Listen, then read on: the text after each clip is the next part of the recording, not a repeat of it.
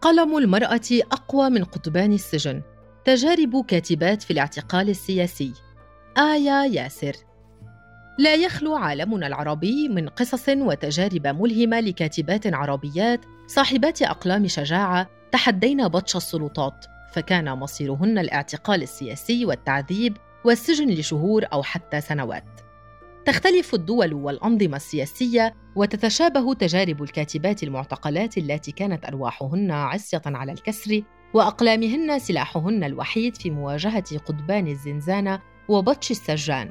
فحولنا قصصهن إلى أعمال أدبية رائعة ضمن أدب السجون خلدتها الذاكرة لتكون شهادات عن حقب فارقة من تاريخ أوطانهن. وكان لسوريا نصيب الأسد من تلك الشهادات المرعبة والملهمة. ولعل أشهرها ما جرى مع الكاتبة السورية هبة دباغ الناجية من مجزرة حماة الكبرى في عهد حافظ الأسد عام 1982 حيث قتلت كل عائلتها بينما كانت معتقلة بتهمة أن لها أخا ينتمي للإخوان المسلمين لتقضي تسعة سنوات في سجون النظام. وكتبت الدباغ بعد خروجها مذكراتها في روايتها خمس دقائق وحسب. على مدار ستة فصول تمثل المراحل التي قضتها بالسجن وتقول اصطفت سيارات المخابرات على طول الشارع في منتصف الليل وسألني رئيسهم أن أذهب معه خمس دقائق وحسب فانتزعوني من الحياة تسع سنوات كاملات دون أن أعرف سببا لذلك إلى اليوم. وتحكي الدباغ عن مشاهد التعذيب قائلة تقدم العنصر مني وطرحني على لوح من الخشب له أحزمة. طوق بها رقبتي ورسغي وبطني وركبي ومشط رجلي. ولما تأكد من تثبيتي رفع القسم السفلي من لوح الخشب فجأة فبات كالزاوية القائمة. ووجدتني وأنا بين الدهشة والرعب مرفوعة الرجلين في الهواء وقد سقط الجلباب عنهما ولم يعد يغطيهما إلا الجوارب والسروال الشتوي الطويل. ولا قدرة لي على تحريك أي من مفاصل جسمي. وتضيف أرى واجب الحديث عن مظالم النظام وانتهاكات الحقوق حتى لا يضيع الكثير الذي بذلناه والكرب الجلل والعذاب الشنيع الذي نلناه. لقد عشت في جحيم سجون النظام السوري تسع سنوات رهينة بلا ذنب. لا أقدر أن أصف كيف تكون السنوات التسعة من العمر حبيسة قمقم ملعون.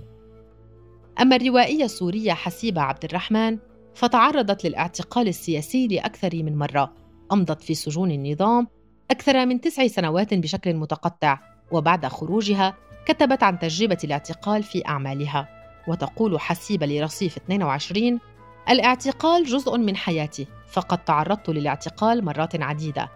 جلت معظم فروع التحقيق والسجون في دمشق كان أطولها ست سنوات. السجن أخذ معظم سنين شبابي. كان اعتقالي الأول عند الحدود اللبنانية السورية وأنا أحمل بعضا من أدبيات حزب العمل الشيوعي. أخذتني دورية أمن الدولة ووضعتني بسيارة نمرتها أمنية وكان إحساسي بأن الطريق الممتد من الحدود إلى مبنى أمن الدولة في كفرسوسة يعادل بعد الأرض عن القمر. تجول فيه سيناريوهات لا حدود لها وتصورات عما ينتظرني وصور التعذيب المتوقعة. لكن الاعتقال بالنسبة لي متوقعا بحكم انتمائي لحزب العمل الشيوعي المحظور. فالاعتقال في حالتي قدر كالموت المنتظر وتضيف حسيبة وسائل التعذيب تطورت كثيرا من الدولاب والضرب الخيزران في الاعتقال الأول إلى دولاب وكابل رباعي وكهرباء في فمي وأصابعي بحيث فقدت الذوق ستة أشهر. الكرسي الألماني والمقص عدا عن المنفردة ولهذا فهو الكابوس الأطول في حياتي ومرارته معجونة بطعم العلقم والدفلة معا. فقد حفر أخاديد في الوجدان وندبات ثاوية في الذاكرة بسبب تعذيب المكثف وأيام العذاب والخوف والترقب المترافقة مع أصوات التعذيب للرفاق المدمات أجسادهم والمتكورين حول أنفسهم الزاحفين أرضاً لأن أقدمهم وأرجلهم لم تعد تحملهم وصراخهم المقلوب عويلاً ذأبياً يخرق الأذن والوجدان ودماؤهم عالقة على جدران وبلاط غرف التحقيق. إذا استثنيت لحظات وساعات التعذيب تبقى وفاة والدي هي الأقصى علي. خصوصا وزيارتي كانت ممنوعة. وأيضا عندما مسكت رسالة معي من الحزب أثناء زيارة والدتي الطاعنة في السن وأختي شبه الضريرة واعتقال أختي لبضع ساعات ثم الإفراج عنها. وعندما ضربني مدير السجن المدني لتلاسني معه حول منع الزيارة أحسست بالإهانة كونه خارج التحقيق وأنا في سجن المدني. رددت له الصفعة بصفعتين وأعلنا إضرابا عن الطعام استمر لعشرة أيام حتى وعدنا بفتح الزيارات من جديد. وتتابع الفرحة المفاجئة وشبه الإفراج فهي النقل للسجن المدني بينما السجينات غارقات بهموم الحاجات الأساسية والقراءة والكتابة وحياكة كنزة صوفية بينما الشارع حلم بعيد المنال إلى أن نصبح خارج السجن عندئذ نصدق أننا نطير بأجنحة نحو الريح. وكانت أهم طرق مقاومة السجن بالنسبة لي الأعمال اليدوية والقراءة والكتابة وأن أفرغ دموعي العالقة على الورق وهو ما دفعني بعد خروجي من السجن للملمة أوراقي وكتابة رواية الشرنقة عن سجن النساء. ثم المجموعة القصصية سقط سهوا فحاولت إفراغ بعضا من أثقال السجن على الورق كي أمضي في حياتي. وفي سوريا أيضا كانت تجربة الكاتبة رغدة حسن مع الاعتقال في سجون حافظ الأسد وملاحقة بشار الأسد لها ليجبرها على الموت في الغربة. دخلت رغدة عالم المعارضة السياسية منذ الثمانينيات وانضمت لحزب العمل الشيوعي واعتقلت في التسعينيات لمدة عامين ونصف لتترك سوريا بعد نفي زوجها وتقيم معه في لبنان ولم تعد إلا بعد وفاة حافظ الأسد. وكشفت رغدة عن تجربة اعتقالها وأوضاع المعتقلات بسوريا في روايتها الأنبياء الجدد والتي تعرضت للمصادرة قبل نشرها واعتقلت بسببها للمرة الثانية في عهد بشار الأسد عام 2010 وواجهت المحكمة العسكرية بتهمة نقل أنباء كاذبة توهن نفسية الأمة لتسجن ثلاث سنوات وأطلق سراحها بعفو عن معتقلي الرأي في 2011 وتحكي الكاتبة في روايتها ما تعرضت له بعد القبض عليها وحفلات التعذيب واقتلاع الأظافر ثم نقلها إلى المشفى وإعادتها للسجن من جديد قائلة جاء الجلاد الذي كان يعرف واجبه جيدا فقام به على أكمل وجه وراح يتفنن بتعذيبها باستخدام الكابل الرباعي مع الكرسي الألماني. كانوا يتقنون العمل عليها بحيث يصل المعتقل لدرجة الإغماء من شدة الألم المركز في الظهر والطرفين السفليين حد الإحساس بالشلل لكن إتقانهم لعملهم كان يحول دون حدوث ذلك. انخرطت بعد ذلك رغدة في أحداث الربيع العربي واعتصام الداخلية واعتقل زوجها وأحد أبنائها فهربت الأسرة إلى لبنان لكن رغدة عادت لسوريا تهريبا وشكلت منظمة شباب الحرية لقيادة الثورة من الداخل. صدر بحقها حكم إعدام فاضطرت للعودة إلى لبنان ثم فرنسا وتركيا وكانت تردد أريد أن أموت في بلدي. الوطن بالنسبة لي ليس مجرد حجر. وطننا لم يتخلى عنا نحن تخلينا عنه. قصة رغدة حسن كانت مصدر إلهام للمخرج البريطاني شون ماكاليستر حيث صورها في فيلمه قصة حب سورية الذي حاز على جوائز كثيرة. وفي العراق إبان حكم صدام حسين تتشابه قصص معاناة الكاتبات المعتقلات مع مثيلاتهن بسوريا وهو ما عكسه إنتاجهن في أدب السجون. وتقدم الروائية العراقية هيفاء زنكنة شهادتها حول سجنها أثناء حكم البعث بعد انتمائها إلى الحزب الشيوعي العراقي عبر كتابها بنات السياسة. وقدمت زنكنة في روايتها شهادات ست إلى جانب أسباب سجنها ومدة محكوميتها طرق التعذيب الوحشية التي تعرضت لها ومحاولة إذلالها من خلال نقلها إلى سجن العواهر. أفلتت زنكنة من عقوبة الإعدام بعد خروجها من السجن. هاجرت عام 1975 إلى لندن لتستمر بالكتابة وحث السياسيين العرب على تخليد تجاربهم في السجن والتعذيب حيث أصدرت ثلاثة كتب جماعية تجمع نصوصا لأكثر من ثلاثين امرأة فلسطينية وتونسية وهي حفلة ثائرة دفاتر الملح وبنات السياسة. وتطرقت الروائية لتجربة اعتقالها في روايتها في أروقة الذاكرة التي هي من روايات أدب السجون الأبرز بالعراق. تقول هيفاء زنكنة في روايتها علمنا بأنك اتصلت أثناء وجودك في السجن بعدد من الكلاب والقوادين الذين تعرفينهم ألا تدركين أن نعرف كل ما تفعلونه؟ هل تظنين بأنك أكثر من قحبة عادية؟ ثم يطلب منها توقيع الاعتراف الأخلاقي الذي ظلت سلطة البعث تمارسه مع كل معتقل كي ترى السماء وتشم الهواء حيث تقول أعطها ورقة وقلما اقتربي أكثر واكتبي أن الموقع أدناه عنوان ضممت بتاريخ وألقي علي القبض بتاريخ وقد عثر على مجموعة القنابل والمتفجرات والمنشورات المضادة للحكم الثوري والجبهة الوطنية بحوزتي.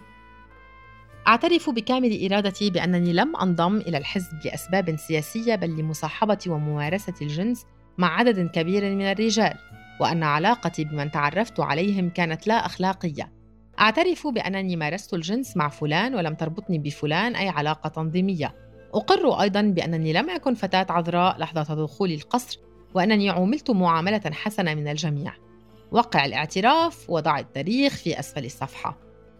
وتعتبر الكاتبة عائشة عودة أيقونة للنضال الفلسطيني لكنها لم تكتب عن تجربة اعتقالها إلا بعد مرور 33 عاماً عليه حيث أصدرت سيرتها الذاتية بجزئيها أحلام بالحرية ثمناً للشمس وتقول عودة أدركت أن من لا يروي روايته بنفسه فإنه يسمح لآخرين صياغتها على هواهم. في كتابها أحلام بالحرية تحكي عائشة عن يوم اعتقالها في 1969 وكيف فضلت المواجهة عن الهرب حين عادت لبيتها وهي تعلم أن الجيش الإسرائيلي يحاوطه لاعتقالها وكيف فقدت جزءا من سمعها من كثرة الصفعات التي تلقتها والضرب بالعصا على رأسها وتعرضت لأنواع الذل والإهانة وحرمت من النوم والأكل حتى اضطرت تحت الضغط للاعتراف. نعم أنا وضعت القنبلة إنه أقل شيء أستطيع عمله من أجل وطني وشعبي. وتسرد عود كيف كانت مترددة بين إنكار اعترافها أم تثبيته ودلهم على مكان الأسلحة. تعرضت للعزل الانفرادي حتى فجرت فتاة قنبلة بالجنود فأخذوا ينكلون بعائشة وجردوها من ملابسها وعذبوها حتى فقدت وعيها ونقلت للمشفى. وتحكي أيضا قصص مجموعة من الفتيات المناضلات وكيف حرمنا من أبسط الحقوق. الروائية مي الغصين إحدى الأسيرات الفلسطينيات المحررات وقد قدمت شهادتها في سيرتها الروائية حجر الفسيفساء. تروي الغصين كيف تم اعتقالها على درج باب العامود بالقدس عام 1991 لتقضي عامين في السجون الإسرائيلية قبل أن يتم الإفراج عنها في 1997 قائلة باغتني جندي من حرس الحدود وأمسكني بالقوة وسحبني نحو الجيب العسكري وأنا ذاهلة عما يحدث حولي ثم دفعني بشدة داخل الدورية العسكرية. ارتطم جسدي بالكرسي ما أدى لسقوط نظارتي الطبية على أرضية السيارة. حاولت التقاطها فلم أفلح. القيود تعيق حركتي. قدماي مقيدتان ويداي أيضا مقيدتان للخلف. حنيت جسدي جانبا وبدأت أزحف على الكرسي ببطء حتى اقتربت منها. توجه جندي نحوي مسرعا ليسحبها ويكسرها نصفين وأخذ يدوسها إلى أن أصبحت حطاما. اقترب مني وانهال علي بلكمات قوية مغلفة بسيل من الشتائم البذيئة. ألم الدنيا بأسره تجمع على وجهي. لم أعد أشعر بشيء. وتقول مقيدة اليدين والرجلين مثبتة كمسمار فوق الكرسي. لا أستطيع الحراك. كلما حركت يداي زاد ألمهما من القيد البلاستيكي. اقترب أحدهم مني. لم أستطع تحديد ملامحه. لكني شعرت بنظراته الحادة وكأنه يحاول اختراقي. أنفاسه الكريهة تلفح وجهي. وسيل من الأسئلة. بدأ ينهمر كشلال. طلب من السجان تفتيشي أظلمت الدنيا أمامي بعد أن وضعت كيسا قماشيا سميكا على رأسي. ليس له لون محدد من شدة قذارته أثار لبقع دم قديمة عليه ورائحة العذاب تفوح منه. وتضيف إذا هي الزنزانة. إذا هو اللقاء الأول وجها لوجه مع الزنزانة في مركز تحقيق المسكوبية والذي يطلق عليه الأسرى اسم المسلخ لما يلاقونه من ويلات التعذيب النفسي والجسدي. وتوثق الأخصين أنواعا شتى من التعذيب الجسدي يتعرض لها الأسرى والأسيرات كالضرب الوحشي الهز العنيف الشبح الضرب على مؤخرة الرأس الحرمان من استخدام المرحاض عدم السماح بالنوم التهديد بهدم البيت أو اعتقال الأهل. وحول كيفية تغلبها على أيام الأسر تقول كنت أرسم لوحات وتقوم زميلاتي بتطريزها وكنا نصنع بطاقات معايدة من أوراق الرسائل ونرسلها إلى أهالينا خلال الزيارات. فالألوان تصنع بهجة في السجن وعدت لهواية الرسم خلال فترة سجني. وبعد خروجي التحقت بكلية فلسطين ودرست الفنون الجميلة لمدة عامين وصرت أشارك في المعارض الفنية وشاركت في تأسيس مكتبة مع غيري من المتطوعين. قبل السجن كنت أعيش في أحلام اليقظة، وبعد خروجي صرت قادرة على التواصل الاجتماعي مع الآخرين بشكل أفضل، وأشعر بأن لدي طاقة لعمل أشياء كثيرة. شهدت مصر في الفترة من الخمسينيات وحتى مطلع الثمانينيات اعتقالات طالت كاتبات مصريات تحولن لاحقا لأيقونات للنضال والحركة النسوية. وتعد الكاتبة الراحلة فتحية العسال رمزاً للتحدي والصمود حيث اعتقلت ثلاث مرات بسبب كتاباتها ودفاعها عن قضايا المرأة. كتبت العسال تجارب اعتقالها وسجنها ضمن سيرتها الذاتية حضن العمر المؤلفة من جزئين. وتقول عنها الكاتبة الراحلة إن اللحظة الأجمل في حياة الإنسان هي التي يقف فيها أمام حقيقته عارياً فيقبلها ويحب ما يشعر به. وتحكي العسال كيف توجهت إلى الرئيس محمد نجيب لتطالب بتعميم المعاملة ألف على المعتقلين ولكن ينتهي الأمر بالزج بها في تخشيبة قسم المطرية لأسبوعين مع طفلها الرضيع.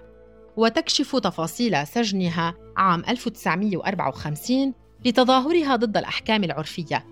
ثم سجنت قبل العدوان الثلاثي في عهد السادات بسبب معاهدة كامب ديفيد. أما الكاتبة الراحلة نوال السعداوي فقد أصبحت رمزاً للحركة النسوية في العالم العربي بسبب نضالها الذي بدأ منذ الخمسينيات لأجل حقوق المرأة وضد ختان الإناث حيث خسرت عملها بوزارة الصحة بسبب كتابها المرأة والجنس ثم سجنت عام 1981 تحكي السعداوي في كتابها مذكرات في سجن النساء تجربة اعتقالها وسجنها لبضعة أشهر وإنها كانت منهمكة بكتابة رواية جديدة في 6 سبتمبر 1981 حين سمعت طرقا على الباب وفوجئت بقوات الأمن تريد تفتيش المنزل دون إذن من النيابة وحين رفضت فتح الباب خلعوه واقتحموا المنزل. قائلة سمعت صوت انكسار الباب كأنه انفجار أحذيتهم الحديدية تدق الأرض بسرعة كجنود جيش انطلق نحو القتال. هجموا على الشقة كالجراد الوحشي. أفواههم مفتوحة تلهث وبنادقهم فوق أكتافهم مشهرة. وتسرد كيف تم اقتيادها إلى سجن النساء في القناطر. والتقت مجموعة من صديقاتها المعتقلات وفقا لقرار التحفظ الذي أصدره السادات بتهمة التآمر ضد الوطن ومصالح الشعب. وتقول السعداوي لأنني ولدت في زمن عجيب يساق فيه الإنسان إلى السجن لأنه ولد بعقل يفكر لأنه ولد بقلب يخفق للصدق والعدالة لأنه يكتب الشعر أو القصة أو الرواية لأنه نشر بحثا علميا أو أدبيا أو مقالا ينادي فيه بالحرية أو له ميول فلسفية. لأنني ولدت في هذا الزمن لم يكن عجيبا أن أدخل السجن فأنا اقترفت الجرائم جميعا. الجريمة الكبرى أنني امرأة حرة في زمن لا يريدون فيه إلا الجواري والعبيد. بينما شهدت المغرب في عهد الحسن الثاني اعتقالات طالت كاتبات من أصحاب الرأي وصارت سنوات حكمه إلى 38 تعرف بسنوات الجمر والرصاص. وبعد رحيل الملك صدرت عشرات الكتب والأعمال الأدبية التي تتناول تجربة الاعتقال السياسي بالمغرب وأشهرها رواية السجينة للكاتبة مالكة أفقير. وتتناول الرواية سيرة مالكة ابنة الجنرال المغربي أفقير الذي كان مقربا وزوجته من قصر الحكم لكنه يقوم بمحاولة انقلاب فاشلة على الحكم فيقتل وتعاقب عائلته بالسجن عشرين عاما يقاسون فيها أشد أنواع الاضطهاد والألم. بعد هروبها التقت مليكة بالكاتبة ميشيل فيتوسي وبدأتا الكتابة معا عن تجربة السجن عام 1998 تقول أفقير إني لأرثي لحال هؤلاء البشر الذين يعيشون خارج قضبان السجن لم تتسنى لهم الفرصة ليعرفوا القيمة الحقيقية للحياة. وتتساءل مليكة كيف لأبي أن يحاول قتل من رباني؟ وكيف للأخير الذي طالما كان لي أبا آخر أن يتحول إلى جلاد؟ تقص الأديبة المغربية زليخة موساي الأخضري في روايتها الحب في زمن الشظايا تجربتها الذاتية مع الاعتقال السياسي وكذلك فترة سجن زوجها. وتقول الأخضر للرصيف 22 التقيت بزوجي ونحن طلبة. كان القطاع الطلابي بقيادة نقابته الاتحاد الوطني لطلبة المغرب مرجلا يغلي بالأفكار والمبادئ الثورية. كنت أعرف أن زوجي ينتمي إلى منظمة سرية تسمى إلى الأمام قيادتها في السجون. ولكن جاء اعتقال زوجي والحكم عليه باثني عشر سنة سجنا نافذا قلب حياتي رأسا على عقب. ولكن اكتشفت أن قوى خارقة كامنة في أعماقي فتسلحت بها وأكملت مشواري. وبعد سنوات من شد ورد من خوض إضرابات متعددة عن الطعام في إحدى زيارات زوجي للطبيب وفي غفلة من الحراس استطعت أن أصبح أماً للمرة الثانية. كنت حاملاً في شهوري الأخيرة حين كتب أحد المخبرين تقريراً يتهمني فيه بالإساءة لشخص الملك فاعتقلت بتهمة المس بالمقدسات التي كان الحكم فيها من سنة إلى خمس سنوات. اعتقلت أنا ورضيعي الذي لم يكن يتجاوز الأربعين يوماً. وتضيف يختلف الشعور حين يجد الإنسان نفسه وراء القضبان. ما جعلني أشعر بالضياع والحزن الشديد هو وضعية أبنائي. كنت أفكر في مصير ابني الأكبر والرضيع الذي سيتربى معي في ظروف السجن القاسية ولا أدري من سيتكفل بأطفالي. فأبوهم في السجن وأنا بدوري قد اعتقلت بتهمة خطيرة. ليس أمامي أي حل سوى الجنون أو الموت.